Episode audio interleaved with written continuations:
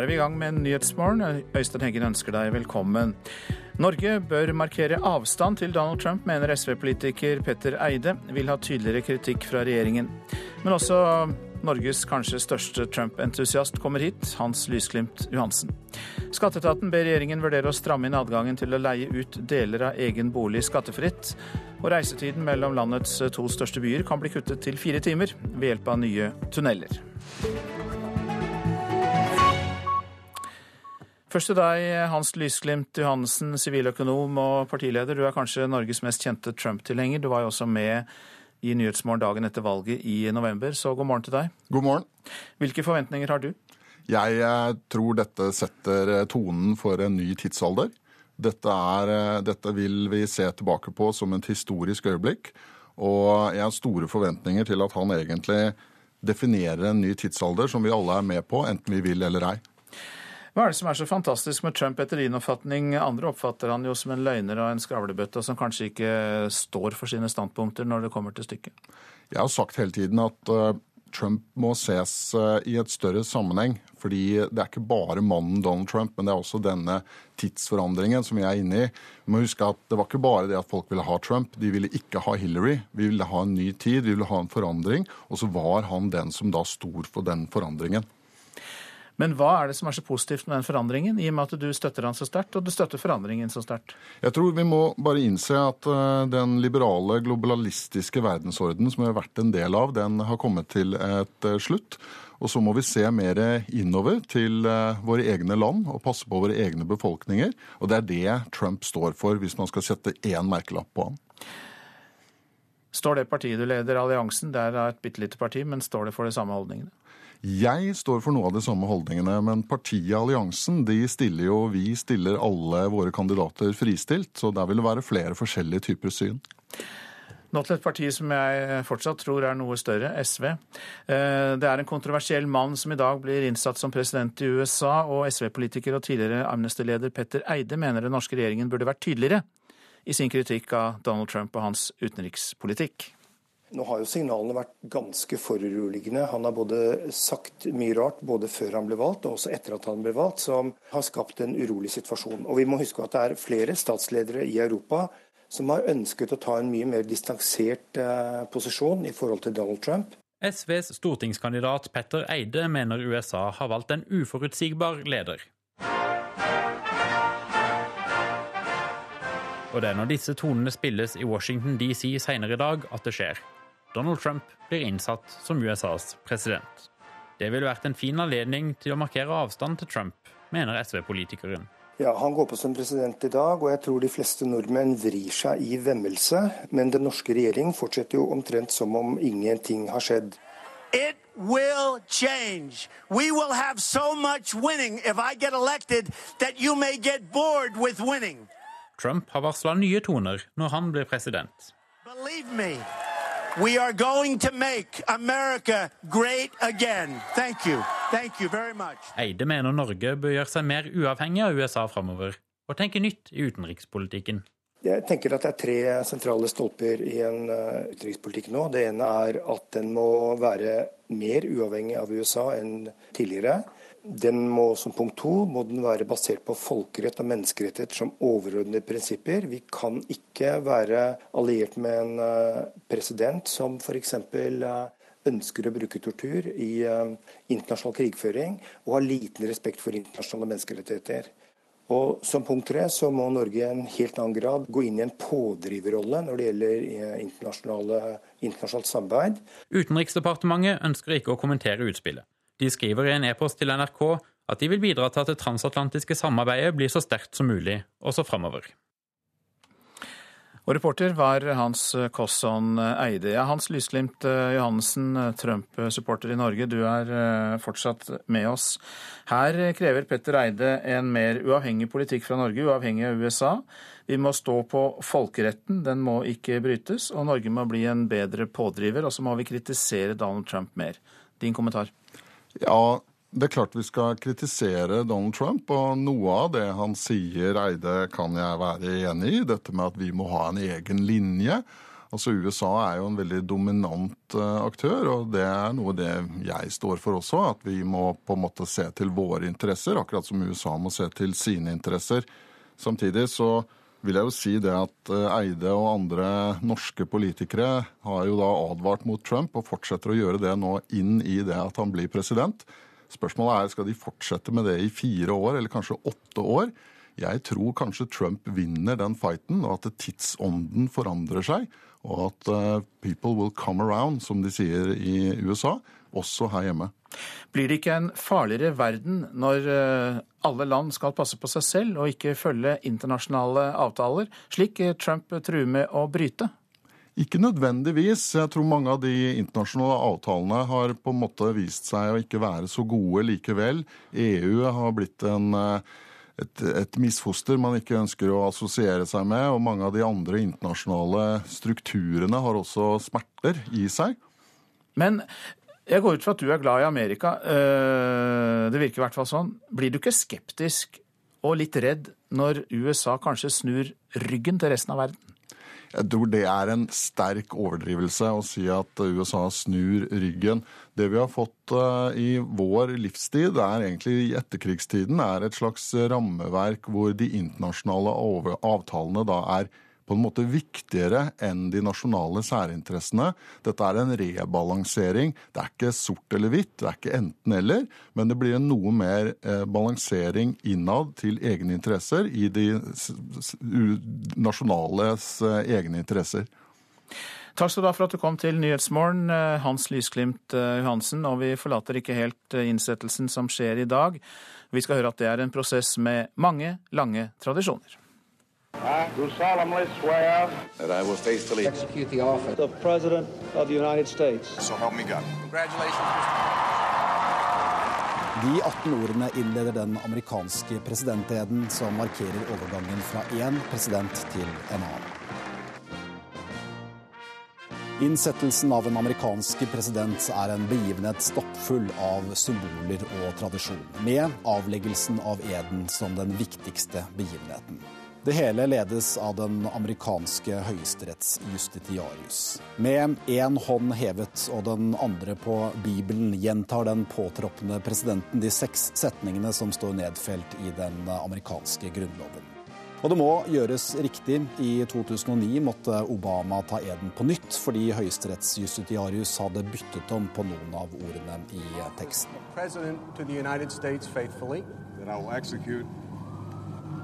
The off faithfully the, pres the office of President of the, the United States. The office of President of the United States faithfully.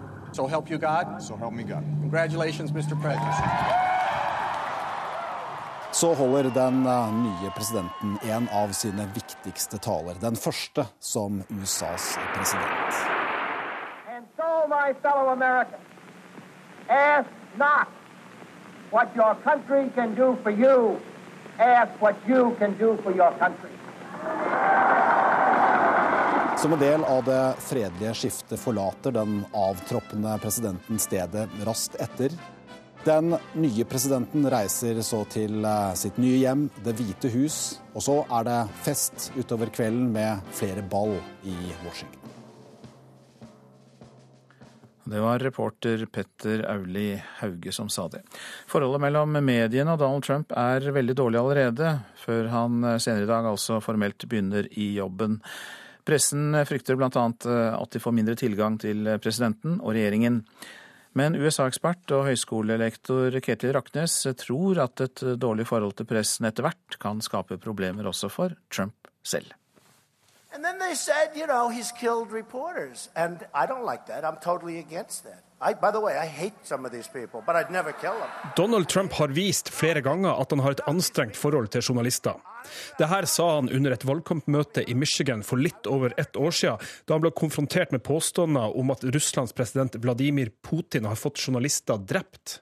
Jeg vil si at det er, uh, har vært ganske anspent, og nå nærmer det seg rent fiendskap. Det sier USA-ekspert og lektor ved Høgskolen Kristiania, Ketil Raknes. Spesielt etter den, både de møtene Trump sjøl har hatt uh, med pressen, altså lukkede møter, hvor han har gått til angrep på pressen, og også den siste pressekonferansen eh, han hadde. Pressen i USA har store utfordringer. Mediene sliter økonomisk, og ifølge en fersk meningsmåling sier bare tre av ti at de har tillit til media, noe som er en kraftig nedgang. Likevel tror Ketil Raknes at Trump på lengre sikt kan få et problem dersom han har et dårlig forhold til pressen. Vedvarende negativ mediedekning har negativ effekt. Upopulære presidenter får selvfølgelig mindre politisk handlingsrom. Sant?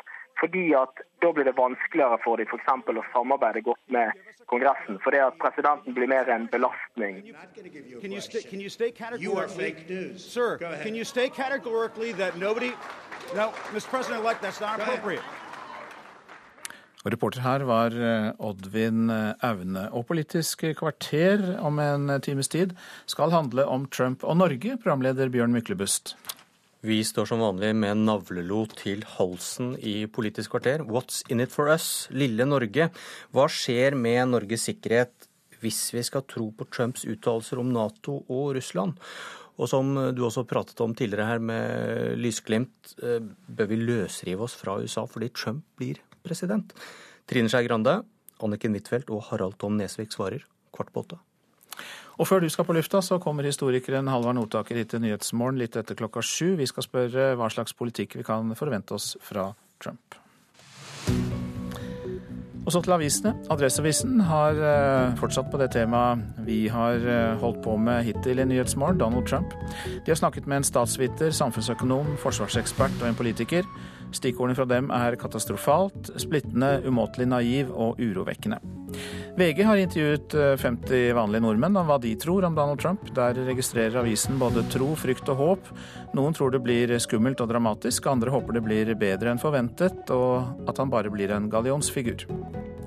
At ledende norske politikere og forskere tror at presidentrollen skal virke disiplinerende på Donald Trump, det er en naiv vits. Det skriver professor emeritus eh, i statsvitenskap William Lafferty i Dagsavisen. Han legger til at eh, Trump nå er i full gang med å vise at han blir en helt eksepsjonell president. Kristelig Folkeparti vil binde opp regjeringen i biostriden, er oppslaget i Vårt Land. Spillet om en ny bioteknologilov pågår for fullt.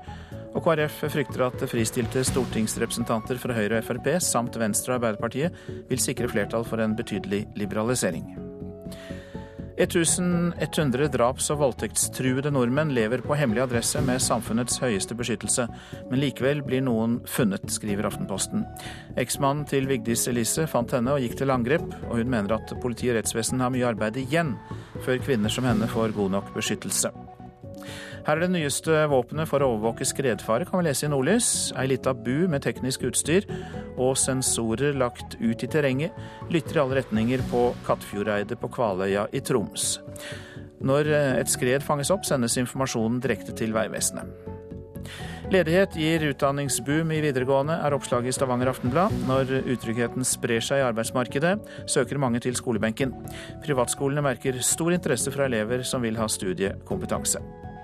Og den norske ishockeystjernen Mats Zuccarello tjener 50 millioner kroner i året, men sier til Dagens Næringsliv at han er fornøyd så lenge han har en sofa og en TV. Jeg tenkte aldri på at gikk an å ende opp i den amerikanske ligaen NHL, sier Zuccarello. Og mer sport her. Norge møter nemlig Makedonia i åttendedelsfinalen i håndball-VM. I går slo det norske laget Japan greit med 38-23 i den siste gruppespillkampen og det norske laget var vel aldri særlig truet. Men lørdag venter eh, tøffere motstand, eh, men så er det slik at spiller Sander eh, Sagosen gleder seg. Vi skårer nesten 40 mål, da. har vi gjort nå i to kamper. og Hvis vi kan gjøre det mot Makedonia, så vinner vi jo. Nå starter moroa. vi skal si sånn, nå vinner eller forsvinner. og Det er gøy. Det er spesielt én mann Norge må stoppe i åttedelsfinalen. Kiril Lazarov er den store profilen i det makedonske laget, og han styrer det meste av spillet. Bjarte Myrhol kjenner Lazarov godt fra sin tid i Ungarn. Kiril er jo en av de største målskårere gjennom, uh, gjennom tidene. Altså, du ser nesten ikke, og så går han ut med, med ti mål.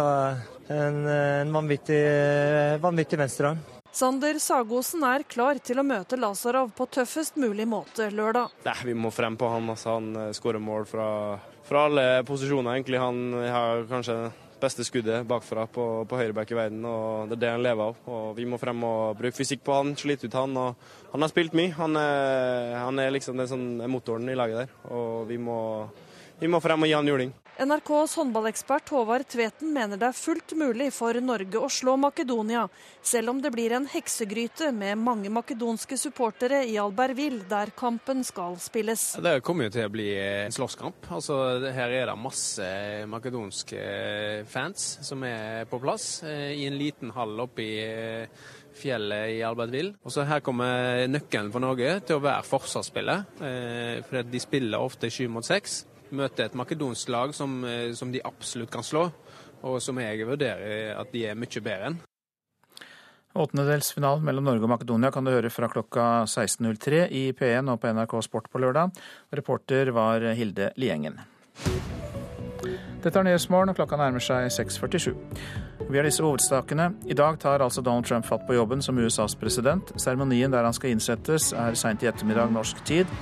I natt møtte tusenvis av mennesker opp på en konsert ved Lincoln Memorial, der Trump også var til stede. Yahya Jammeh, som nekter å gå av som president i Gambia, har fått en frist til å forlate landet innen klokka tolv. Dersom han ikke gjør det, vil militære styrker gripe inn, sier lederen av den vestafrikanske samarbeidsstyrken ECOWAS. En redningsskøyte leter nå etter en mann i en båt vest for Bøvågen i Radøy kommune i Hordaland. Det er politiet som opplyser det. Så til Skien, for der mistenker politiet at tre mindre branner i går kveld var påsatt. Eh, brannene i eh, kveld og i natt eh, hadde avgrenset skade til søppeldunker der de startet. Men operasjonsleder Gisle Småge i politiet sier at fem unge menn er arrestert. Bakgrunnen er for så vidt flere. Det var vitneopplysninger som går på et kjøretøy. Eh, så går det også litt på eh, personkunnskap og, og de lokale forholdene her. At det, patruljene eh, visste hva for så vidt de skulle se etter. Gisle Småge i politiet. Skatteetaten ber regjeringen vurdere å endre skattereglene for utleie av egen bolig. Bakgrunnen er nettjenester som lar folk leie ut deler av boligen for korte perioder av gangen. Skattedirektør Hans Christian Holte sier framveksten av den såkalte delingsøkonomien byr på utfordringer. Vi foreslår å gå gjennom eh, deler av lovverket, eh, bl.a. for å skille tydeligere mellom hva som er næringsvirksomhet og hva som ikke er næringsvirksomhet. Det har vist seg å være en utfordring også tidligere, men vi ser at uh, stadig mer delingsøkonomi setter dette på spissen og gjør det kanskje til en enda viktigere utfordring å løse i dag enn tidligere. Gjennom ulike nettjenester og apper kan privatpersoner i dag tilby bl.a. transport og korttidsutleie av rom. I mange tilfeller i direkte konkurranse med etablerte virksomheter som taxiselskaper og hoteller. Um, og da kan jeg begynne med å gi deg rapporten. Vær så god. Takk. Skatteetaten har på oppdrag fra Finansdepartementet sett på de skattemessige sidene av den såkalte delingsøkonomien, og utleie av bolig har vært et sentralt tema. I dag kan du leie ut inntil halvparten av egen bolig helt skattefritt. Leier du ut mer enn det, er inntil 20 000 kroner i leieinntekter skattefrie. Men disse reglene ble laget med tanke på langtidsutleie i en tid der det var knapphet på boliger, ikke med tanke på hotellvirksomhet fra egen stue. Vi peker på et behov for å gå gjennom og vurdere det regelverket vi har i dag. Der kan det være noe komplisert å trekke grensen mellom hva som er skattefritt og hva som ikke er det, eh, når vi har såpass store innslag av korttidsleie som, eh, som det nå er.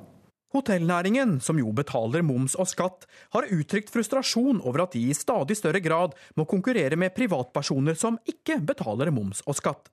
Vi har generelt eh, et ansvar for at vi har en eh, likebehandling av skattytere som, eh, som, opererer i ulike deler av økonomien. Og det gjelder også delingsøkonomien versus den tradisjonelle delen av ulike bransjer.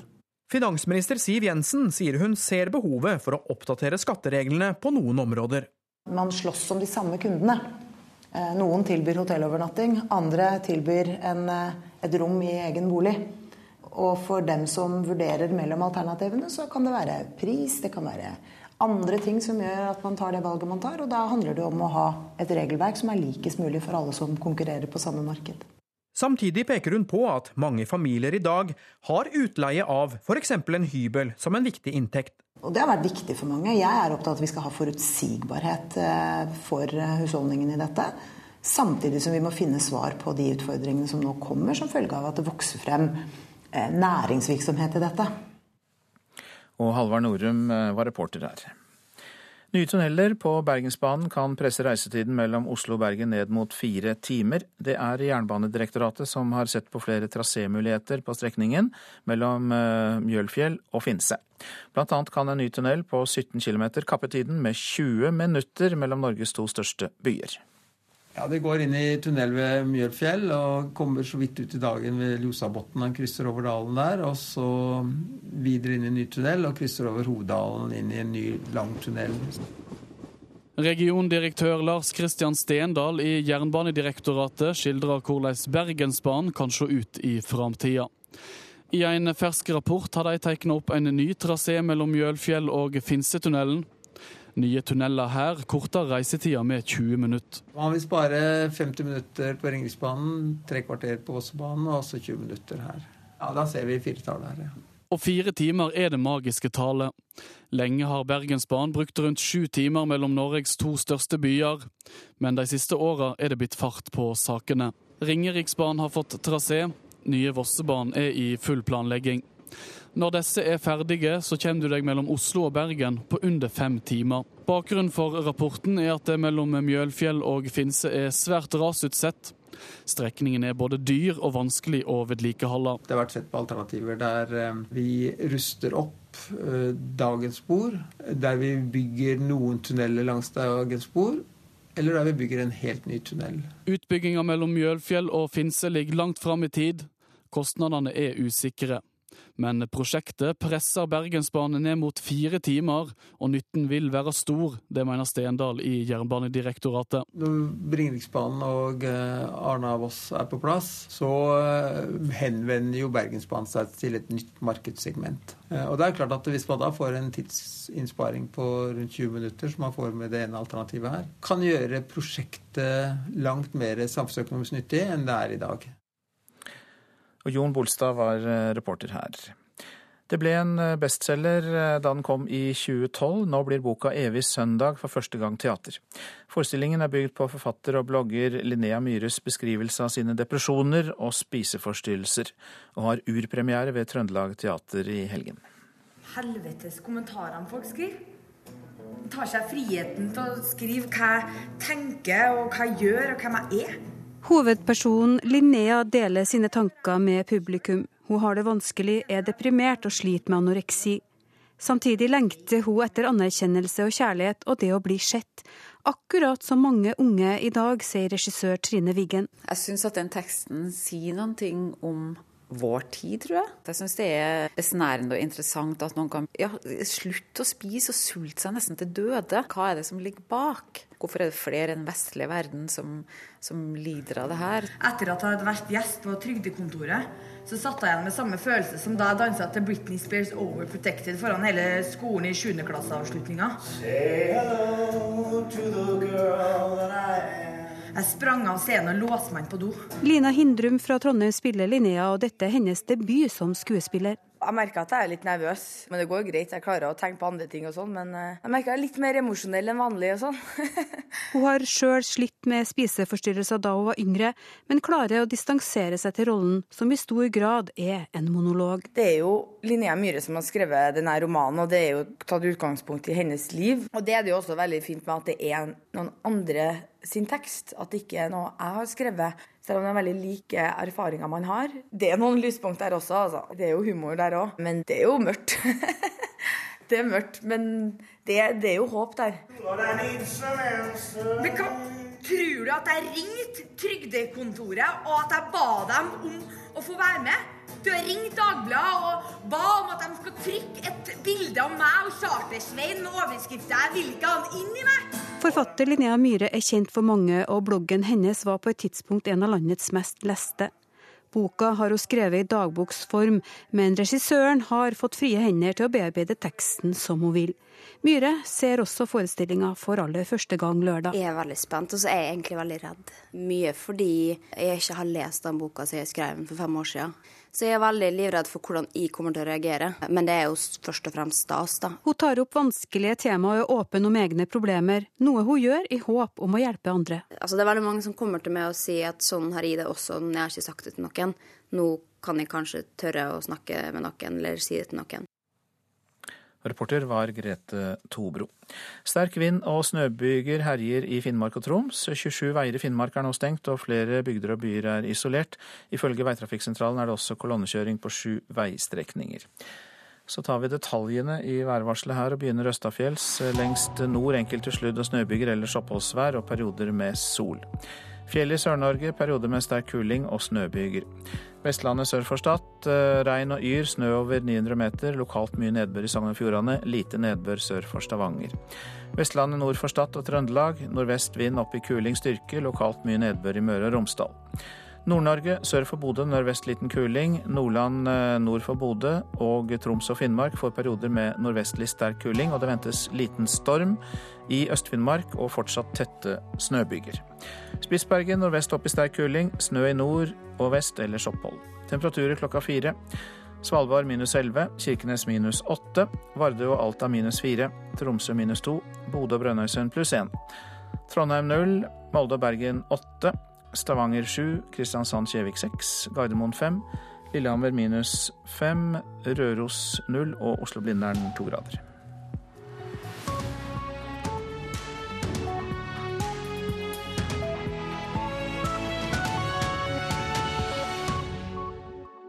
Norges kunnskapsminister Torbjørn Røe Isaksen har tatt en personlighetstest, og på søndag får du høre resultatet. Sånn er du på NRK P2 med Harald Eia og Nils Brenna. Som politisk konservativ er Torbjørn Røe Isaksen opptatt av å tøyle menneskenaturen. Han vil at kulturens korsett skal holde hans sjelelige krefter i sjakk. Torbjørn Røe Isaksen slipper løs sitt indre menneskedyr. Alt hans mørke skal frem. Og hans lyse sider også, klart. Sånn er du. Søndag klokka ti på NRK P2.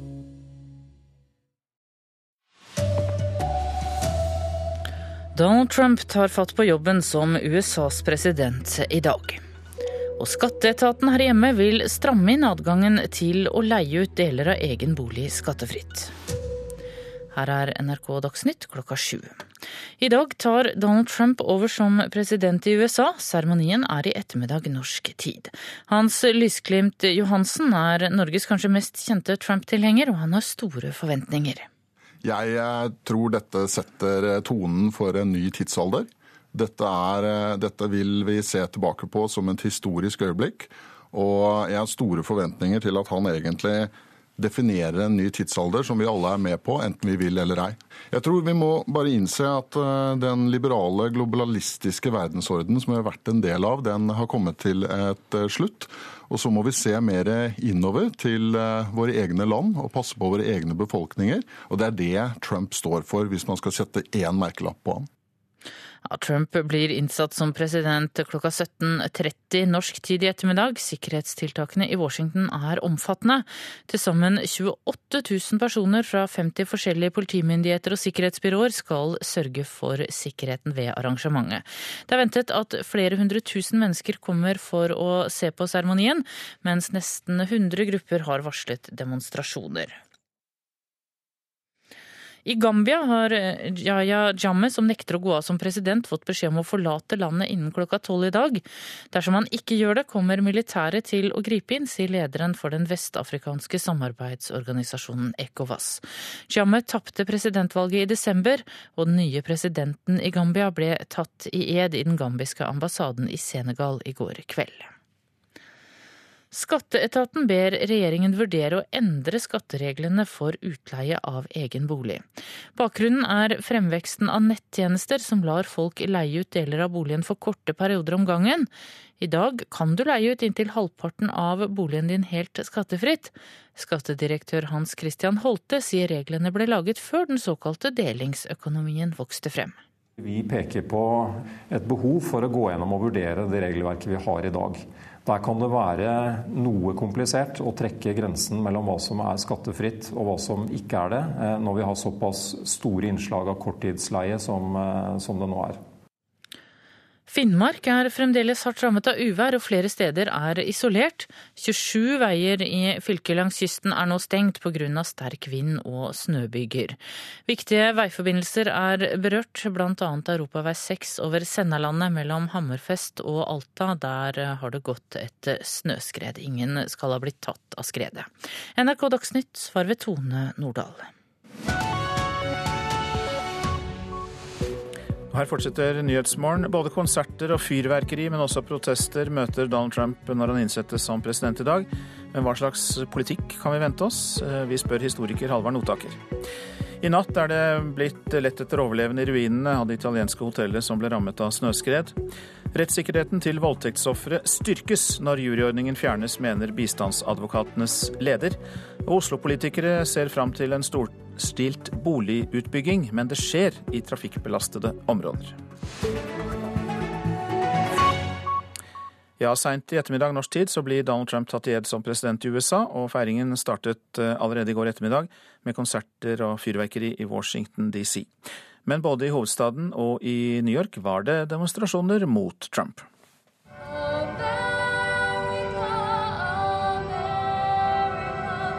En blind ungjente framfører en av USAs mest populære patriotiske sanger noen få steinkast fra Lincoln-monumentet i hovedstaden i går. Donald Trump ønsker at innsettelsen skal huskes som folkets fest. Det var ingen megastjerner på velkomstkonserten i går kveld. Flere hadde sagt nei.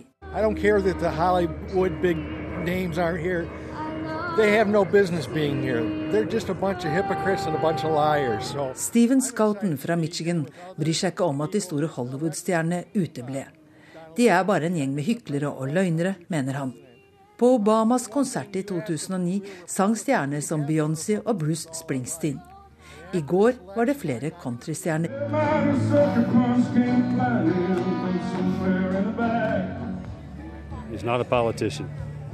Han er ingen politiker. David Cox har tårer i øynene om å svelge. Han har kommet fra Tennessee for å oppleve presidentinnsettelsen. En middelaldrende dame med gresk bakgrunn sier hun jobber for Trump. Jeg lurer på hvorfor han har tatt inn minst tre milliardærer i regjeringen. Han som lovet å drain the swamps, drenere myra i Washington. The billionaires, I have many friends who are billionaires. They're not in it for the money. So if they're going to come in, they're going to do the job. Milliardærene er der ikke for pengene, de er der for å gjøre jobben, sier Arati Paskuti. Hun vil ha mindre stat, mer privat på alle nivåer. Sekkepiper hører med når en med skotsk bakgrunn skal feires. Titusenvis sto i timevis rundt bassenget nedenfor trappene der statuen av Abraham Lincoln troner øverst. Så kom hovedpersonen. Like. And it's something very, very special. You really like him? Oh, I love him. I love Donald Trump. I absolutely love him. He's a good man. He's a man who will get the job done. Absolutely. Brian Kalavrov bare elsker Trump og stoler på at han får gjort jobben. For mange av Trump-velgerne handler det ikke om én spesiell sak, men om grunnleggende tillit til at hverdagen deres blir bedre. Men ikke alle er enig. I går demonstrerte også noen hundre fra bevegelsen Disrupt J20 utenfor et ball der de hevdet at en gruppe høyreorienterte rasister som støttet Trump, også deltok.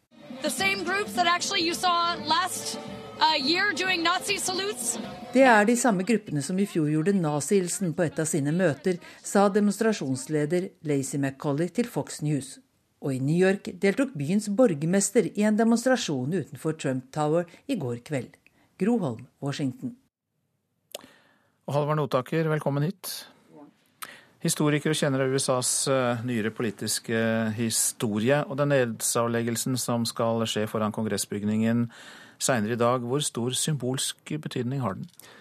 Det er jo en stor festdag for demokratiet i USA, og, og, som kanskje vi har litt lett for å glemme her hjemme. En stor festdag for mange amerikanere også i dag, som er glad for det som skal skje. Det er en dag som er et ritual. Den er proppet av forskjellige typer ritualer. Og hele budskapet i denne dagen det er at den amerikanske grunnloven, staten, demokratiet står sterkt. På en måte er, representerer noe evig hvor eh, de som forvalter dette, er en slags sånn midlertidige eh, verger da, for eh, nasjonen. Og I dag tror jeg ikke Donald Trump kommer til å, å, å bryte konvensjonen og sprenge rammene for det som er akseptabelt, sånn som man har gjort et poeng av tidligere, for å understreke avstand til eliten. I dag får vi se, tror jeg, en som, en som innpasser seg og uh, følger, følger uh, programmet. Men på mandag, som han har sagt skal bli hans første arbeidsdag, uh, hva tror du blir hans første saker som han tar fatt i? Som vi hørte på, på innslaget her, så er, jo, er, det en veldig forventning til at han skal få ting gjort, og at han skal være mer effektiv og flinkere. Han har jo sagt uh, nå i halvannet år at han er smartere enn alle andre, og at de er dumme som ikke greier å få gjort ting. Så det vil jo et mye større press på han å få resultater raskt enn på andre. Og da tenker jeg på innvandringspolitikk og handelspolitikk og få industri til å flytte hjem. Det siste er han i gang med i hvert fall å påstå at han har fått til å skje.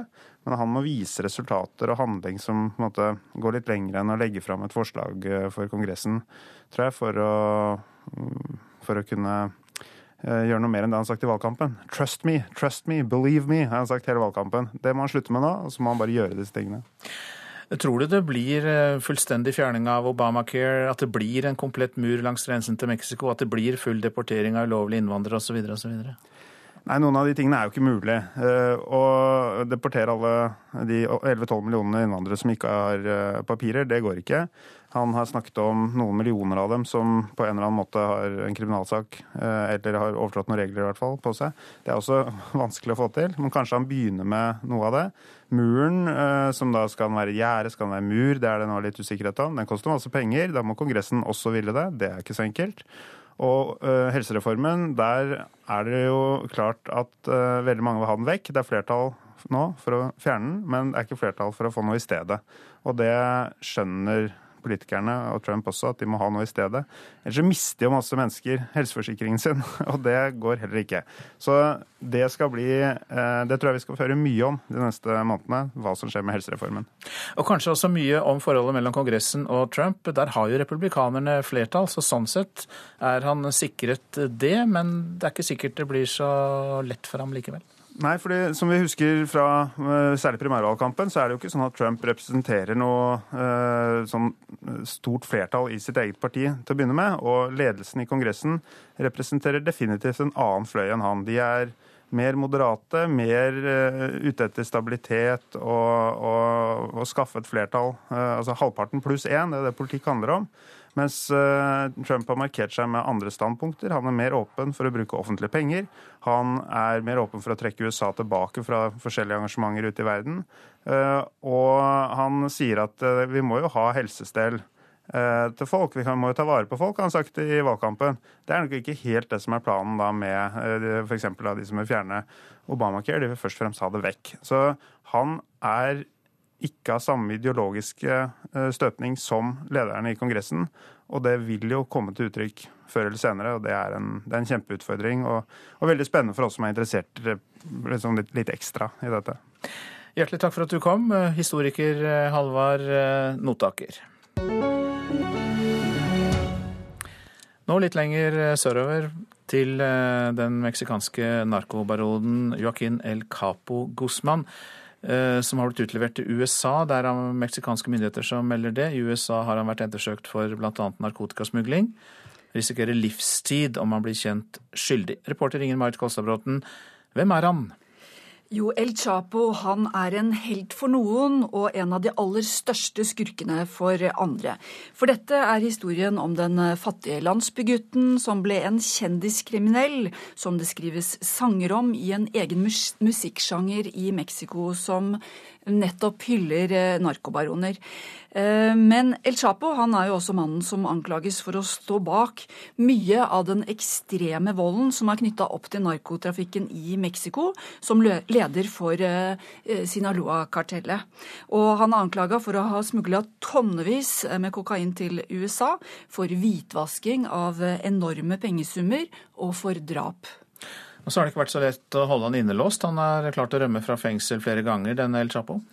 Ja, Han har klart å rømme fra såkalte høysikkerhetsfengsler eh, i Mexico to ganger, og på svært så spektakulære måter, som igjen bygger opp rundt mytene om denne mannen. Eh, sist gang eh, klarte han sammen med medsammensvorne både i og utenfor fengselet å grave en lang tunnel fra cellen, så han klarte å unnslippe på en motorsykkel som de hadde brakt dit. Eh, og For ett år siden så klarte da meksikanske eh, myndigheter på nytt å arrestere ham i en storstilt aksjon. Og Det skjedde eh, etter at El Chapo hadde møtt den amerikanske filmstjernen Sean Penn, som gjorde et svært omstridt intervju med ham. Det virker jo som denne narkokrigen i Mexico er evigvarende, men kan den utleveringen til USA få betydning for den krigen? Ja, Det er vanskelig å si, for det er jo så mye penger involvert i narkohandelen. Så, så raskt én blir arrestert, så er det veldig mange som står klare til å overta. Og med narkopenger så har kartellene kjøpt både politi, dommere og politikere. Og meksikanske myndigheter har flere ganger blitt anklaga for å samarbeide med kartellene. Og flere eksperter kaller jo Mexico rett og slett for en narkostat. Og de siste årene så har over 200 000 mennesker blitt drept, og titusener har bare forsvunnet. Men hva er det USA har på han da, som fører til at han kan uh, få livstid? Ja, USA har prøvd å få utlevert ham eh, lenge, mens eh, El Chapos advokater selvfølgelig har prøvd å forhindre det. Og i går så avviste da Mexicos høyesterett en anke fra Guzmans advokater om å bli utlevert. Og da ble han ganske raskt satt på et fly til New York. Han er altså anklaga for å smugle inn tonnevis med narkotika, hvitvasking og drap. Eh, men ekspertene er delt i synet på hvorfor han blir utlevert nå, få timer før eh, Trump blir USAs neste president. En ekspert sier at meksikanske myndigheter um, gjør det for ikke å gi Trump en fjær i hatten for å ha fått utlevert narkobaronen. For som kjent så har jo Trump i hele valgkampen sagt at han vil stoppe narkolangerne fra Mexico for å ta seg inn i USA, og han vil også bygge en mur for å hindre det, og også for å hindre at illegale immigranter kommer inn. En annen ekspert derimot mener at den meksikanske presidenten Enrique Peña Nieto utleverer ham nå fordi han ønsker et best mulig forhold til nabolandets nye president. Historien om en narkobaron der fra reporter Inger Marit Kolstadbråten. Takk skal du ha. Nå til det sentrale Italia. Der har hjelpearbeidere søkt etter overlevende i ruinene av hotell eh, Rigopiano, som ble truffet av et snøskred, og det er frykt for at mer enn 30 mennesker kan ha omkommet. Europakorrespondent Philip Lote, du nå er nå i Pescara, den nærmeste kystbyen fra ulykkesstedet. Hvordan har hjelpearbeidet gått i natt? Det har pågått gjennom hele natten. Det har vært vanskelig fordi at det ble eh, kaldere. Eh, men det har også kommet eh, mer detaljerte beskrivelser av eh, situasjonen på åstedet, hvordan det var da dette alpine redningsmannskapet kom seg inn dit etter å ha gått eh, på ski og truger eh, natt til i går i, i, seks timer for å komme seg fram til Farindola, altså den eh, lille byen hvor eh, hotellet ligger. Det er bekreftet eh, nå at det er 30 som er fortsatt savnet, og fire bekreftet omkomne. Så det totale tallet er altså Eh, på 34 som er rammet av raset, eh, som eh, fikk dette hotellet til å kollapse og flytte på seg.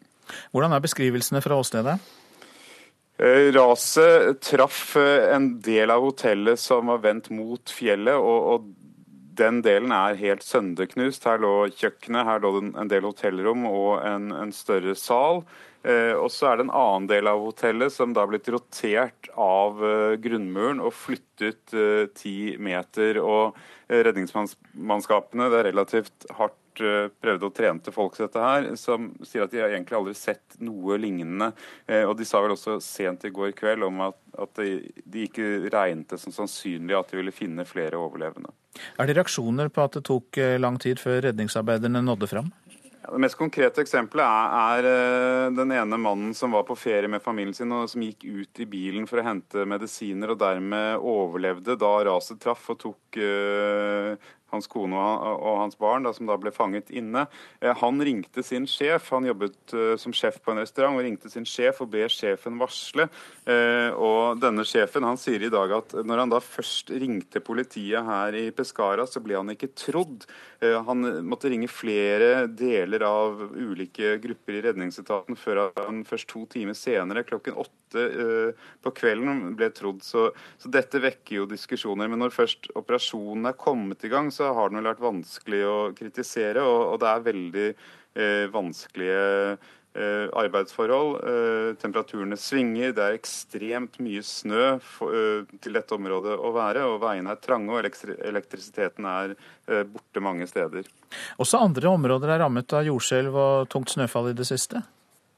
Ja, Det er mange småbyer som fremdeles ikke har fått elektrisiteten sin eh, tilbake. Fremkommeligheten er dårlig. Det er folk som eh, klarer å ringe fra isolerte små byer og sier at de føler seg eh, etterlatt og, og at ikke deres interesser blir tatt hånd om. Det er ganske mange tusen mennesker som er satt inn i redningsarbeidet nå, men det kommer til å ta, ta tid. og det er en uvanlig situasjon for dette området. Det er bl.a.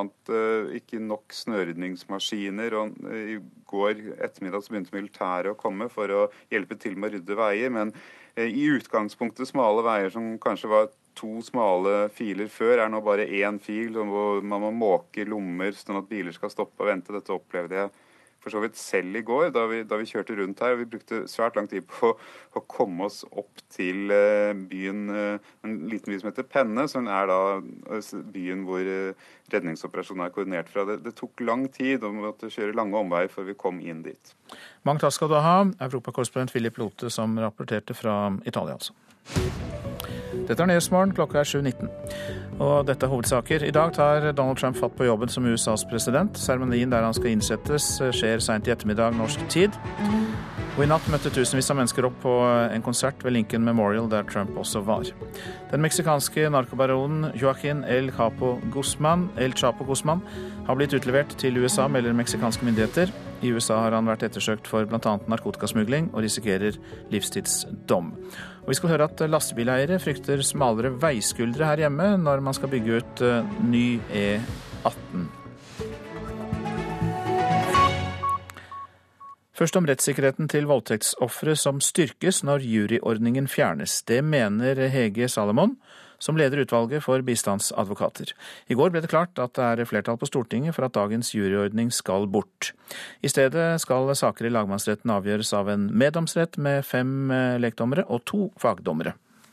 Forskning har vist at mange voldtektssaker eh, der det har vært domfellelse i tingretten, har endt med frifinnelse i lagmannsretten med jury. I 2007 fant i arbeidsgruppen nedsatt av Riksadvokaten at over halvparten av voldtektsdømte som anker, blir frifunnet av juryen i lagmannsretten. Ja, og når man nå fjerner juryordningen, mener jeg det vil styrke rettssikkerheten til eh, voldtektsofre. Eh, fordi jeg mener det vil føre til flere domfellelser i lagmannsretten. Flere domfellelser, det får man ved bedre bevis. Så dette er jeg uenig i sier Marius Ditriksson, som leder forsvarergruppa i Advokatforeninga. Man må etterforske bedre, man må iretteføre saken bedre ved domstolen. Ikke lempe på bevisvurderingen i retten eller å bytte ut de dommere man ikke liker. Eller som forslaget her tar sikte på, gjøre noen strukturelle endringer i domstolen for å få flere domfellelser. Det er gærent. Reporter Siv Sandvik. I hovedstaden har Miljøpartiet De Grønne slått hardt ned på luftforurensning fra dieselbiler, men støyforurensning kan de ende opp med å tillate i stort monn. Kommunaldepartementet har nemlig gitt Oslo grønt lys for boligbygging i svært trafikkbelastede områder i Oslo, og det er MDGs eh, byråd for byutvikling, Hanna E. Markussen, som får ansvaret for hvordan det skal skje. Knut eh, Hovslien, eh, Hovslien bor i Groruddalen i Oslo, like over E6, og vet hvordan det er å leve med trafikkstøy. Den ligger jo som en slik eh, støymatte hele tida. Så den går jo inn i kroppen. Nå frykter han og naboene på Lindeberg for tetting og mer støy. En stor blokk på åtte etasjer er planlagt mellom lavblokker og rekkehus. En veibom skal åpnes, og det blir gjennomgangstrafikk på det som i dag er blindveier. Vi tenker på helsa vår, og støy er så skadelig både når det gjelder søvn, eh, utvikling av sykdommer, stress. Utbyggingen på Lindeberg er planlagt for lenge siden. Men nå har altså Kommunaldepartementet gitt hovedstaden unntak fra støyreglene, til tross for en klar risiko for at flere vil bli plaget av støy og luftforurensning. Oslo-politikerne mener unntaket åpner for 120 000 nye boliger. Grunnen til at vi ønsker å bygge noen av disse områdene, er fordi vi i Oslo skal bygge eh, rundt knutepunktene vi skal fortette. Sier byråd Hanna E. Markussen fra Miljøpartiet De Grønne. Hun lover at nye boliger skal få en stille side, hvor det er mulig å lufte og uteområder uten for mye støy. Man kan legge støysvak asfalt, man kan redusere farten, for det bidrar også til mindre støy. Eller man kan selvfølgelig bygge støyskjermer eller legge næringsbebyggelse f.eks. inntil veien, som skjermer for boligbyggingen. Så det er veldig mange tiltak som kan gjøres, som både vil bidra til at det kan bli gode boliger, men også vil bidra til at det blir mindre støy og mindre luftforurensning. Så disse tingene henger jo sammen. Både helse- og miljømyndigheter har kommet med advarsler mot at Oslo skal bygge i såkalte røde soner. For trafikkstøy er ikke ufarlig. Seniorforsker Gunn-Marit Aasvang ved Folkehelseinstituttet forteller om forskning som viser at trafikkstøy kan øke risikoen for hjerte-karsykdommer. Men det er først og fremst hvis man eh, har vært utsatt for høye nivåer av trafikkstøy over lang tid. Så de mer eh, vanlige og mer umiddelbare virkningene av trafikkstøy er jo rett og slett at det gjør at folk blir plaga. Eh, frustrerte, irriterte. Det påvirker livskvaliteten, og det kan gi søvnforstyrrelser. Vi må få fart på boligbyggingen i Oslo, så flere kan ta del i boligdrømmen, skrev Kommunaldepartementet i sin pressemelding om saken. Knut Hovslien på Lindeberg drømmer om ro og fred. Vi dør litt eh, hver dag som følge av helseskadelig støy og luftforurensning. Knut Opslien fra Groruddalen der, og reporter var Katrin eh, Hellesnes. Så til avisene. Adresseavisen har snakket om Donald Trump med en statsviter, samfunnsøkonom, forsvarsekspert og en politiker. Stikkordene er katastrofalt, splittende, umåtelig naiv og urovekkende. VG har på sin side intervjuet 50 eh, vanlige nordmenn om hva de tror. Der registrerer avisen både tro, frykt og håp. Noen eh, tror det kan bli skummelt med Donald Trump og dramatisk. Andre håper det blir bedre enn forventet, og at han bare blir en gallionsfigur. Kristelig Folkeparti vil binde opp regjeringen i biostriden, er oppslaget i Vårt Land. Spill om en ny bioteknologilov pågår for fullt. Og KrF frykter at fristilte stortingsrepresentanter fra Høyre og Frp, samt Venstre og Arbeiderpartiet, vil sikre flertall for en betydelig liberalisering. 1100 draps- og voldtektstruede nordmenn lever på hemmelig adresse med samfunnets høyeste beskyttelse. Men likevel blir noen funnet, skriver Aftenposten. Eksmannen til Vigdis Elise fant henne og gikk til angrep, og hun mener at politi og rettsvesen har mye arbeid igjen før kvinner som henne får god nok beskyttelse. Her er det nyeste våpenet for å overvåke skredfare, kan vi lese i Nordlys. Ei lita bu med teknisk utstyr og sensorer lagt ut i terrenget, lytter i alle retninger på Kattfjordeide på Kvaløya i Troms. Når et skred fanges opp, sendes informasjonen direkte til Vegvesenet. Ledighet gir utdanningsboom i videregående, er oppslaget i Stavanger Aftenblad. Når utryggheten sprer seg i arbeidsmarkedet, søker mange til skolebenken. Privatistskolene merker stor interesse for elever som vil ha studiekompetanse. Den norske ishockeystjernen Mats Zuccarello tjener 50 millioner kroner i året, men sier til Dagens Næringsliv at han er fornøyd så lenge han har en sofa og en TV. Jeg tenkte aldri på at det gikk an å ende opp i den amerikanske ligaen NHL, sier Zuccarello. Norges Lastebileierforbund frykter dødsulykker når byggingen av nye firefelts motorveier blir gjort billigst mulig. Blant annet i Bamble i Telemark er E18 planlagt med bare to meter bred veiskulder. Det er ikke mye ekstra plass på framtidas smalere motorveier hvis en 2,5 meter brei lastebil får nødstopp. Hvis sjåføren må skifte hjul på E18 med to meter brei veiskulder, må Mikael Karlsson fra Tippfrakt i Skien jobbe langt ut i kjørebanen. Du ser jo her, jeg har jo en bil som er 2,5 meter brei. Hvis det skjer noe, vi kanskje får punktering, det, det er helt livsfarlig, altså. Og da ser vi selv hvor vi står ute i veien. va? For vi trenger jo plassen. Da må du trekke den rumpa her. Ja, du ser. For å spare 100 millioner kroner blir 18 km ny motorvei i Bamble planlagt med smalere veiskulder. To istedenfor tre meter der det ikke er rekkverk langs veien. Vi skjønner behovet for billigere veier, men ikke på denne måten, sier regionsjef Olav Vefall i Lastebileierforbundet. Vi må eh, akseptere at det bygges effektivt, og man skal strekke pengene lengst mulig. Men det må ikke gå på bekostning av eh, trafikksikkerheten for eh, våre medlemmer, sjåfører og andre. Kommunikasjonsrådgiver Imi Vegge i selskapet Nye Veier svarer på SMS at de bygger firefelts motorvei bedre enn nåværende standard. Og motorvei med to meter veiskulder er 50 cm mer enn kravet i gjeldende håndbok. Dette er ikke nok til å berolige lastebilfolket med 2,5 meter breie biler. De ber politikerne tenke sikkerhet framfor pengesparing. Jeg mener man skal sette foten ned og si at her må trafikksikkerheten gå i første rekke, og at det da må legges på de nødvendige midler for å få en skikkelig veiskulder. Vefal mener at det heller ikke blir tatt hensyn til at folk med bobiler også kan få nødstopp på motorveier med bare to meter breie veiskuldre. Jeg tror det problemet er større for dem, for de er ofte urutinerte. En campingbilfører han er ute et par ganger i året med den der doningen, og de er 2,5 meter. Og får de en eh, stopp, så da sliter de, og vi andre sliter. Selv på dagens breie motorveier er sjåfør Karlsson redd hvis han får nødstopp med bilen. Jeg går jo ikke gjerne ut, altså. Jeg gjør ikke det. Jeg har familie hjemme, jeg med, som alle andre. Så jeg vil gjerne hjem på kvelden, jeg med. Den reportasjen var laget av Bo Lilledal Andersen.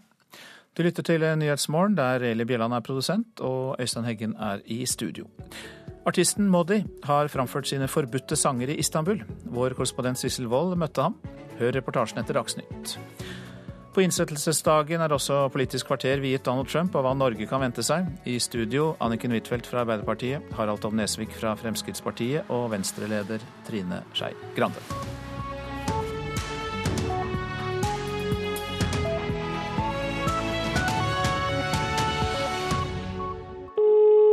Hallo, Hallo! Sjansene for å åpne en Starbucks hos oss i Buvik kommune. Er du rett mann? Ja, jeg er i hvert fall rett mann til å kunne eh, svare deg eh, ganske kjapt, tror jeg. Jeg ville ikke hatt så veldig, veldig store forventninger. Eh, Nei, vi har jo enorme forventninger, da. Hva om vi kunne f.eks. bare benytte oss av logoen? Vår Nei, det går nok ikke. Radio Buvik er tilbake lørdager klokka 15 på NRK P2. Donald Trump tar over som president i USA. I natt ble han feiret med konsert og fyrverkeri. Bistandsadvokat tror flere kan bli dømt for voldtekt når juryordningen fjernes. Og skatteetaten vil stramme inn adgangen til å leie ut deler av egen bolig skattefritt. God morgen, her er NRK Dagsnytt klokka 7.30. I ettermiddag blir Donald Trump tatt i ed som USAs neste president. Feiringen har allerede startet med konsert og fyrverkeri i Washington DC, men både i hovedstaden og i New York var det demonstrasjoner mot Trump i natt.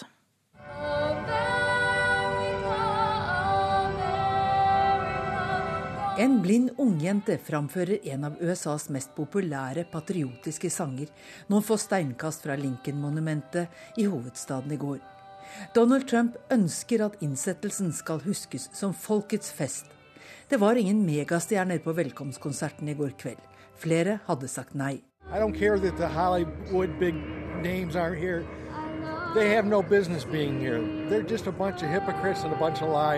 Steven Scouten fra Michigan bryr seg ikke om at de store Hollywood-stjernene uteble. De er bare en gjeng med hyklere og løgnere, mener han.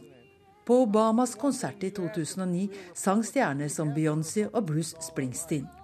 I går var det flere countrystjerner.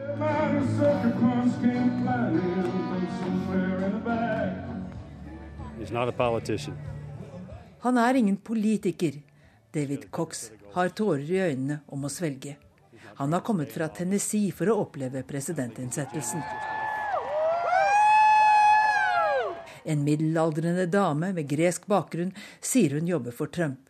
Jeg lurer på hvorfor han har tatt inn minst tre milliardærer i regjeringen, han som lovet å drain the swamps, drenere myra i Washington. The billionaires, I have many friends who are billionaires. They're not in it for the money. So if they're going to come in, they're going to do the job. Milliardærene er der ikke for pengene, de er der for å gjøre jobben, sier Arati Paskuti.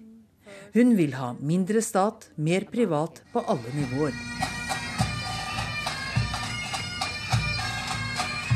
Sekkepiper hører med når en med skotsk bakgrunn skal feires.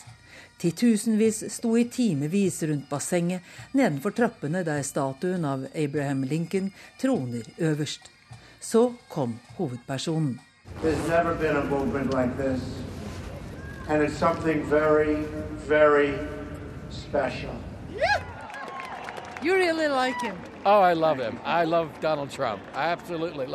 Brian Kalavrov bare elsker Trump og stoler på at han får gjort jobben. For mange av Trump-velgerne handler det ikke om én spesiell sak, men om grunnleggende tillit til at hverdagen deres blir bedre. Men ikke alle er enig. I går demonstrerte også noen hundre fra bevegelsen Disrupt J20 utenfor et ball der de hevdet at en gruppe høyreorienterte rasister som støttet Trump, også deltok. Og i New York deltok byens borgermester i en demonstrasjon utenfor Trump Tower i går kveld. Groholm, Washington. Norge bør bli tydeligere i sin kritikk av Donald Trump. Det mener eh, tidligere generalsekretær i Amnesty Petter Eide, som også stiller til årets stortingsvalg for SV. Land som Tyskland og Italia har vært tydeligere i sin skepsis til den nye presidenten, mener han.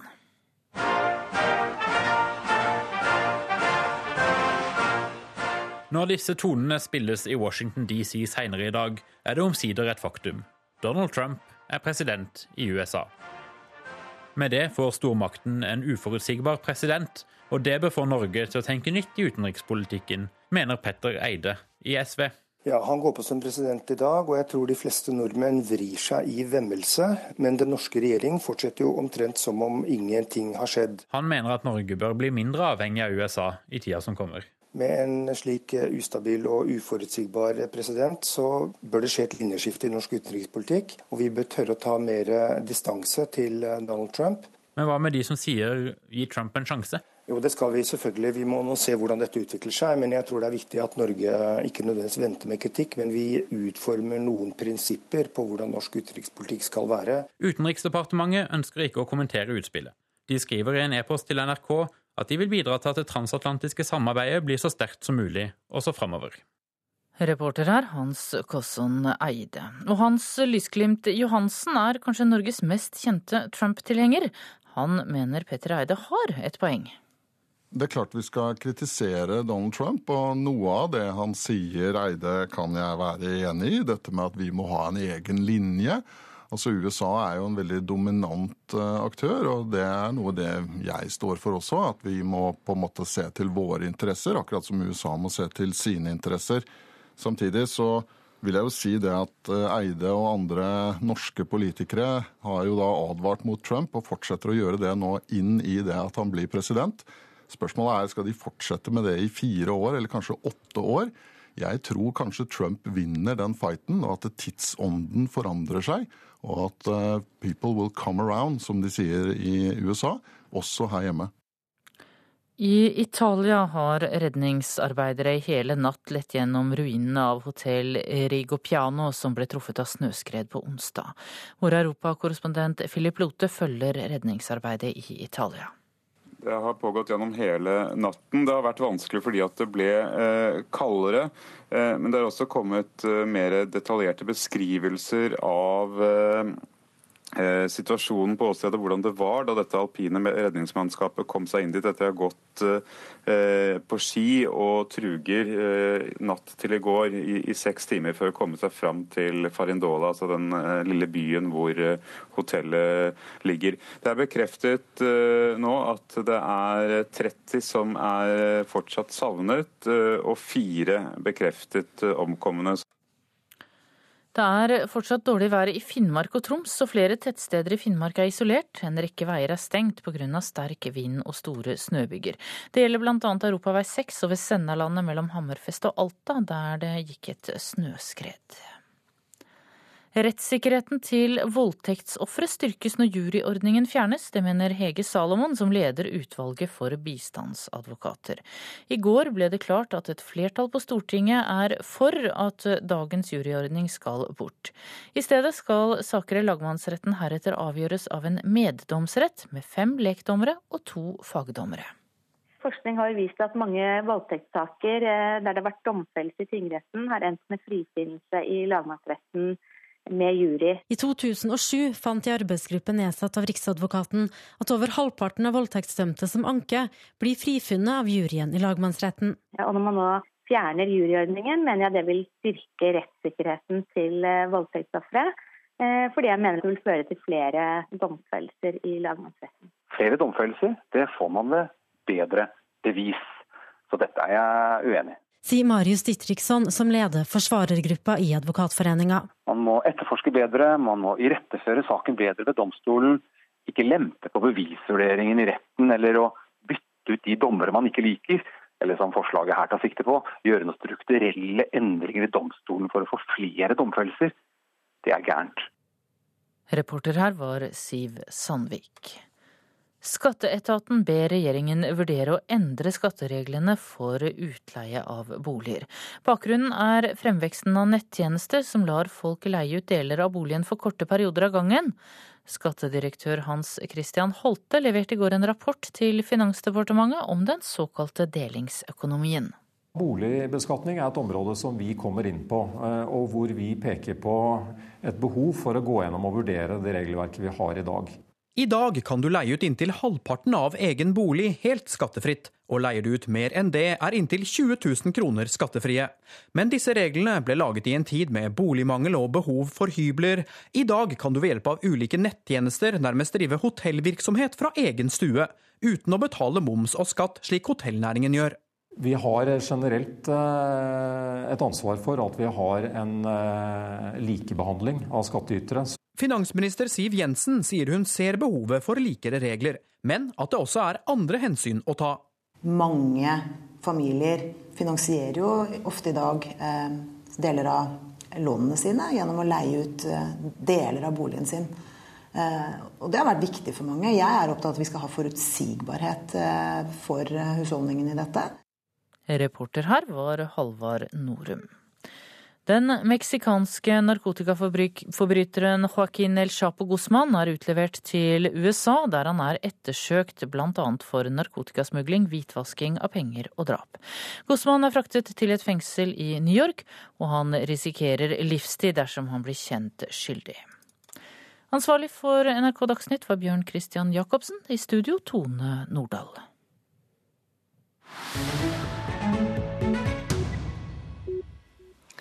I Nyhetsmorgen nå om artisten Modi, som framfører sine forbudte sanger verden rundt. Sangene, som er bannlyst i sine respektive hjemland, eh, gav en eh, dimensjon for det tyrkiske publikummet denne uken, så eh, selv tror Modi at artister vil skape skarpere tekster i tiden vi nå går inn i. Bush's Army Dreamers was released in 1980. And 11 years later, when the Gulf War erupted in Iraq and Kuwait. Fra en scene i Istanbul forteller Modi om hvordan den britiske artisten Kate Bush sin låt 'Army Dreamers' ble sensurert av BBC under den første Golfkrigen. Our little army boy is coming home from BFPO. I've a bunch of purple flowers to decorate our mommy's hero. Sangen handler om en sørgende mor som har mistet sin unge sønn i militæret, og som drømmer om alt det sønnen kunne ha brukt livet sitt til, om bare. But he never had a proper education. But he never even made it to his twenties. What a waste. Modi reiser rundt med tolv sanger. De fleste av dem er forbudt i sine respektive hjemland. Han synger sensurerte tekster bl.a. fra Israel, Vietnam, Russland, Kina og Chile. og nå er han i Tyrkia. Eh, jeg merker jo blant, blant publikummet mitt her at uh, temaet ytringsfrihet er uh, ganske aktuelt, for å si det mildt, i dette landet. Og at det er en takknemlighet for at noen har mulighet og lyst til å gjøre et prosjekt som dette her. Men noen tyrkisk sang har han ikke med seg, og det er kanskje like greit. På den måten her da, så er det mulig å å, å, komme hit og, og, og tematisere det. Uh, snakke om historier fra alle andre deler av verden. Og på en måte komme inn på temaet uten nødvendigvis å gå så langt at myndigheten syns det er ugreit. Artisten fra Senja har merket hvor mye lettere det er for ham å fremføre disse farlige tekstene enn for skaperne av dem. Du må nesten være norsk, du må være hvit, du må være mann for å komme innunder de temaene her og, og, på en måte ha de tilstrekkelige privilegiene for å få lov til å gjøre det uten, uten å sette deg sjøl eller andre i fare.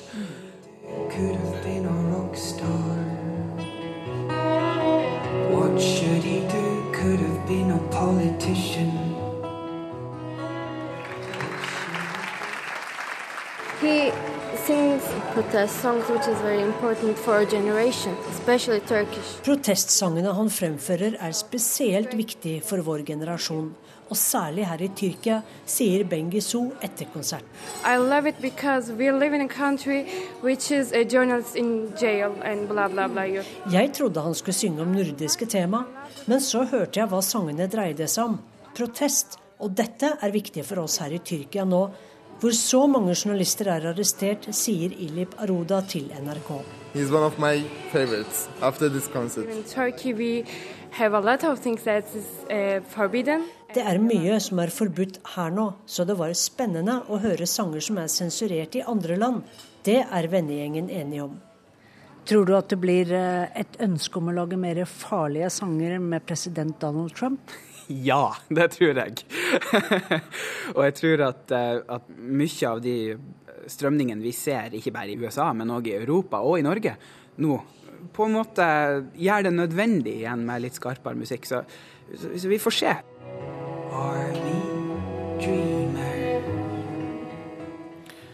Og Det var Sissel Wold som møtte Modi i Istanbul, og vi hørte også Katrine Schjøtt på cello og som eh, vokal. Dette er hovedsaker i Nyhetsmorgen. I det sentrale Italia har hjelpearbeidere hele natt søkt etter overlevende i ruinene av hotellet som ble truffet av et snøskred onsdag kveld. Det er frykt for at mer enn 30 mennesker kan ha omkommet. Skatteetaten ber regjeringen vurdere å endre skattereglene for utleie av egen bolig. Bakgrunnen er framveksten av nettjenester som lar folk eh, leie ut deler av boligen for kortere perioder av gangen. Den meksikanske narkobaronen Joaquin El Chapo Guzman er blitt utlevert til USA, melder meksikanske myndigheter. I USA har han vært ettersøkt for bl.a. narkotikasmugling, og risikerer livstid om han blir kjent skyldig. Programleder for Politisk kvarter nå er Bjørn Myklebust.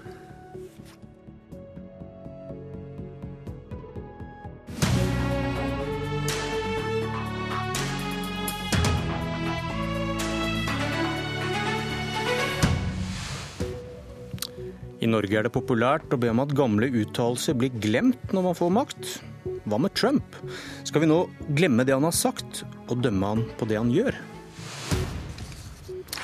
Svaret på det spørsmålet er kanskje avhengig av kjærligheten til USA.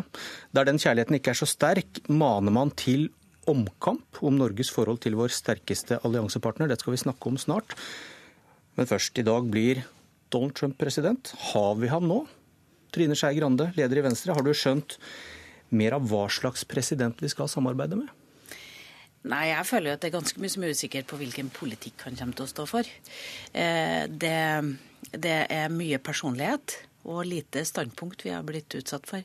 Og jeg må jo si at det som jeg syns er sånn mest skremmende, er jo om det er en, en, president som lar personligheten komme vei fra de rasjonelle handlingene i ekstreme situasjoner, som jo en president i USA kommer til å bli utsatt for. Men jo, det er jo ikke keiser vi har valgt. Vi har valgt en president i et demokrati. Det fins strukturer rundt den som jeg håper kan opptre rasjonelt i denne presidentperioden også. Anniken Huitfeldt fra Arbeiderpartiet, leder av utenriks- og forsvarskomiteen. Skal vi glemme det han har sagt? Nei, men han har nok satt ting på spissen. Og han har jo en eh, evne også til å skifte mening. Det har vi bl.a. sett i spørsmål om tortur, hvor han hadde veldig foruroligende oppfatninger i valgkampen. Men etter å ha snakket med han som skal bli forsvarsminister, så har han nyansert noen av disse uttalelsene. Så jeg tror vi gjør lurt i å analysere hva som er forskjellene på republikanerne og eh, demokratene. Der er vi relativt enige når det gjelder sikkerhetspolitikken. Der det er uenighet, er jo i miljøpolitikken, likestillingspolitikken. Der kan vi forvente oss at det blir en del endringer. Harald Tom Nesvik, parlamentarisk leder i Fremskrittspartiet. Da du satt her for litt over to måneder siden, Trump var valgt. Da var du svært usikker på hva slags president han blir. Har du, har du blitt mer eller mindre optimist til disse ti ukene som har gått? Nei, det, det, er jo klart det hersker usikkerhet rundt eh, en god del av hva politikk vi kan forvente oss, både når det gjelder frihandelsavtaler, når det gjelder eh, hvor sterkt vil han stå på, hvor raskt at eh, øvrige Nato-land bl.a. skal ta en større del av den finansielle kaka når det gjelder kostnaden ved Nato. Er det, men det er jo særlig handelspolitikken og den proteksjonistiske biten som på mange måter har uroa med litt. grann. så ser jeg jo frem til eh, selvsagt at eh, når det gjelder hvilken politikk som skal føres, så får vi det gjennom offisielle kanaler og ikke bare gjennom Twitter. Jeg syns det kan være en grei måte å, å komme i gang på. Men vi skal ha respekt for det amerikanske folket som har valgt sin president. Eh, og det er klart det at Han har allerede vist en del ting knytta til særlig industripolitikken. For jeg tror nok at den sterkeste fokuset som vi vil se særlig i begynnelsen, det er nok tre ting. Det går på handelspolitikk, det går på det å skape nye arbeidsplasser som USA har eh, behov for, og så går det på Obamacare, som han helt åpenbart har sagt at eh, skal opphøre å eksistere i sin nåværende form. Når vi skal diskutere hva Trump vil bety for Norge, er det kanskje naturlig å starte med sikkerhetspolitikken. USA har vært vår suverent viktigste alliansepartner. Og Trump har ikke hatt så mye godt å si om Nato. Senest for noen dager siden sa han at Nato er utdatert. Tidligere har han nærmest truet med å ikke stille opp for Europa hvis ikke flere land betaler mer for forsvar, som eh, du var inne på, Nesvik. Men eh, du forteller oss at du ikke er så bekymret for dette med USA og Nato Huitfeldt, og hvorfor ikke? Fordi at Det som ligger under hans budskap, er at eh, Europa må ta større ansvar for sikkerhet sjøl. Høyere forsvarsbudsjetter, investere i nytt materiell. Det er jo et budskap som han ikke er alene om. Det var jo noe som Obama også veldig sterkt eh, presenterte, noe som Hillary Clinton fokuserte på. Men Nato er utdatert? Ja, Det handler om at han mener at Nato ikke er et virkemiddel som kan bekjempe terror. Men jeg tror nok at når han setter seg bedre inn i det. Den gangen vi har brukt Nato, artikkel 5 var jo for å bekjempe Al Qaida i Afghanistan. og Da var det amerikanerne som ba om hjelp. Men det er jo helt åpenbart at Nato, de europeiske land, må ta et større ansvar for å bekjempe terror i Midtøsten. For det handler om eh, global sikkerhet. Men enten så snakker Trump sant, og det er grunn til alvorlig bekymring for Nato når det sterkeste landet sier at det er utdatert, eller så er han ikke til å stole på i så kritiske spørsmål. Og da si at dette blir business as usual, er det i beste fall ønsketenkning? Du rister på hodet, Nesvik. Ja, fordi at eh, du eh, tolker det nok eh, relativt vidt her. For det som Trump har sagt, jeg har selv sett en del av de intervjuene knytta til, til, Nato. Og det, er jo, det som han sier, er at én, det er det finansielle, at Europa må ta en større del. Derfor så har jo NATO, også Nato-landene, vedtatt et mål om 2% knytta til, til nasjonalproduktet til forsvar. Norge er også allerede i gang med våre vår investeringsprogram og, og, det med opptrapping knyttet til Forsvaret for å ta vår del eh, på sikt. I tillegg så har han også sagt at når han henviser til utdatering av Nato, så sier han det at man, Nato må også være innrettet slik at det, det, går på det terrormessige. Eh, dette er en forsvarsallianse, men det er viktig at man også kan eh, gripe fatt i, i terror. For det er jo en av de aller, aller største sikkerhetspolitiske truslene som vi har i dag. Slik at, og så må vi også ta med oss at eh, den som er utpekt som forsvarsminister, er en veldig sterk tilhenger av Nato og hvordan det skal gjøres. Så jeg tror nok også det at og Kongressen her kommer til å ha sin klare formening i dette, eh, på dette feltet. Så jeg er rimelig trygg på at Nato kommer til å fortsette i sin nåværende form, men at vi andre må også ta en større del av den finansielle biten. Har du like lave skuldre, Skei Grande? Vi er veldig avhengig av USA, så eh, det er klart at vi er avhengig av å ha en amerikansk president som syns det er viktig å stille opp for oss. Eh, men jeg tror at det er mange av systemene her som sikrer Eh, som sikrer oss i, i Nato-samarbeidet. Men, men tilbake til det jeg begynte på med. Jeg er jo redd for personligheten skal komme i veien i de viktige avgjørelsene. Og da er USA en kjempeviktig aktør i vår sikkerhet. Og det er han som sitter inne i det situasjonsrommet og skal ta de alvorlige avgjørelsene. Og det er kanskje det i sum jeg er mest engstelig for med denne presidenten. Men nå er det tre Nato-venner som sitter her og sier at eh, Nato fortsetter som før, og forholdet til USA kommer fremdeles til å stort sett være godt. og Dere må kanskje si det, uansett hva slags bevis dere kan legge på bordet ved, på nåværende tidspunkt? ja, men vi er helt avhengig av Nato. Vi klarer oss ikke alene. Den tanken ga vi opp etter annen verdenskrig. Og enda viktigere nå, um, men der jeg nok er mer urolig det sikkerhetsmessige, er jo at uh, de ordene han bruker, som er veldig sterke og skyter rett fra hofta Én ting er allierte, de lever jo ganske greit med det, vi kan ta det ned. Men det er kanskje andre statsledere som kan reagere på en annen måte, bli ydmyket, tappe ansikt. Da kan det jo skape konflikter. Slik at det er jo de sidene ved han eh, jeg er hvert fall mer urolig for enn akkurat Nato-samarbeidet. Der kommer han med det samme budskapet som også andre har kommet med. Så har vi hørt eh, SV i morges som mener at vi nå bør løsrive oss fra USA fordi Trump mener det han gjør, og er uforutsigbart. Er det, er det tiden for en, en, debatt om det, Nesvik? Jeg tror jeg vet svaret. Nei, Heldigvis er det i hvert fall ikke SV som skal styre norsk utenrikspolitikk. Det tror jeg alle skal være glad for. Ehm, både med har syn på tidligere på Nato og andre ting, så tror jeg vi skal overlate utenrikspolitikken til de andre partiene i Stortinget enn SV. Ehm, men eh, nei, eh, det er ikke det. Vi er veldig avhengig av USA. USA er en viktig handelspartner. USA er verdens eneste nåværende stormakt, eller supermakt. Og jeg tror at eh, vi må ta ting litt ned. Ja, her er usikkerhet eh, knytta til hva som blir, eh, om det blir endring i utenrikspolitikken på en del områder fra Trump. Eh, men nå ser jeg frem til at eh, vi kan begynne å få mer kjøtt på beina. Han er faktisk enda ikke innsatt som president. Og han har veldig mange dyktige folk rundt seg også. Vi har rådet rundt presidenten, vi har Kongressen, Senatet. I tillegg også så er nå tida inne for at vi også får mer kjøtt på beina her. At ikke vi får gjennom 140 tegn på ei Twitter-melding men at vi kan få mer eh, utdypende hva som blir den framtidige politikken. Huitfeldt, dere kan jo igjen bli avhengig av SV for å styre Norge, og da må dere kanskje høre på disse signalene som kommer nå? Det gikk eh, veldig greit å styre Norge med SV. Jeg tror nok at i utenrikspolitikken så ligger eh, SV nærmere sentrum enn det mange i Fremskrittspartiet gjør.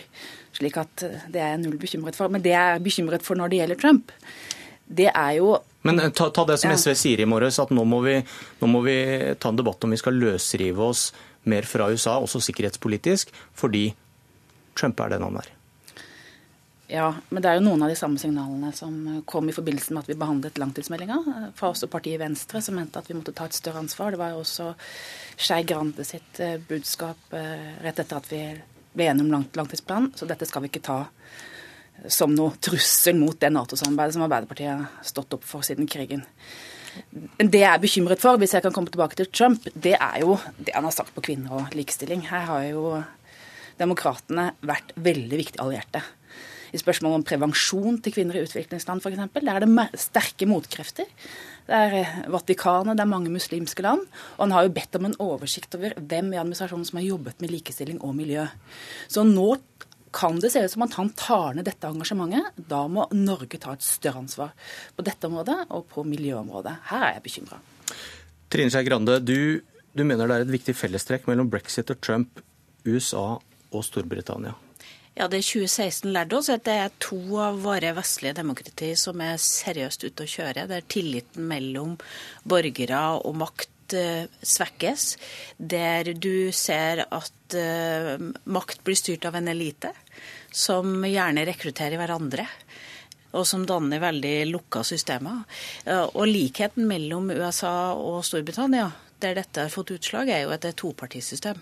Altså Det er to store partier, og de styrer alt. Og de, de, mangler, fordeler makten seg imellom. De mangler Venstre. Ja, De mangler, de mangler Frp, mangler SV, mangler de ventilene som handler om tilliten som folk skal ha til politiske systemet, nemlig at deres sine meninger gjenspeiles i, i parlament, og at man ser her at maktstrukturene bare rekrutterer hverandre. Og det, eh, Jeg mener at eh, egentlig er idealet i Island. Der driter politikerne seg ut. Da, og tilliten synker blant befolkninga. Da starter man to nye partier, og så vinner de et valg. Det er sånn demokrati skal funke. Men her ser vi at det blir et undertrykk over tid, som når da det lokket spretter av, som det gjorde i brexit, og som det gjorde i, i, ved dette presidentvalget, så får det sånne utslag som det får her. Det at folk egentlig ikke tar Trump helt seriøst, men han er noe annet enn det maktstrukturene tradisjonelt har vært. Og jeg tror at her viser flerpartisystemet sin store styrke, fordi det har ventiler for folk som er uenige, og det har ventiler inn i rekrutteringa til det politiske systemet. Nesvik, USA mangler Venstre og Frp? Nei, altså man har eh, diverse avskygginger også i amerikansk politikk, men eh, nå tror jeg vi må forholde oss til de eh, politiske systemene som finnes. Og det er også flere andre land i Europa som ikke har så mange partier. Og jeg tror nok at man også, flere i Norge, ser kanskje at til det så har man litt for mange partier også i en del sammenhenger. Men det skal ikke jeg blande meg inn i, det er demokratiet. Det som jeg har lyst til å avslutningsvis her før vi er ferdige, en av de tingene som på mange måter blir den største utfordringa for Norge og land med en åpen økonomi og er avhengig av eksport, er jo nettopp det som går på frihandelsavtalene og de uttalene som har kommet til der. Vi ser TTIP, altså det er en del altså, avtalene som Trump sier at han vil reforhandle eller fjerne. Eh, det er et, kommer til å bli et problem for verdenshandelen. La oss eh, ikke glemme at eh, det som har tatt flest land ut av fattigdom, bl.a., er jo handel med andre land og få solgt varene sine.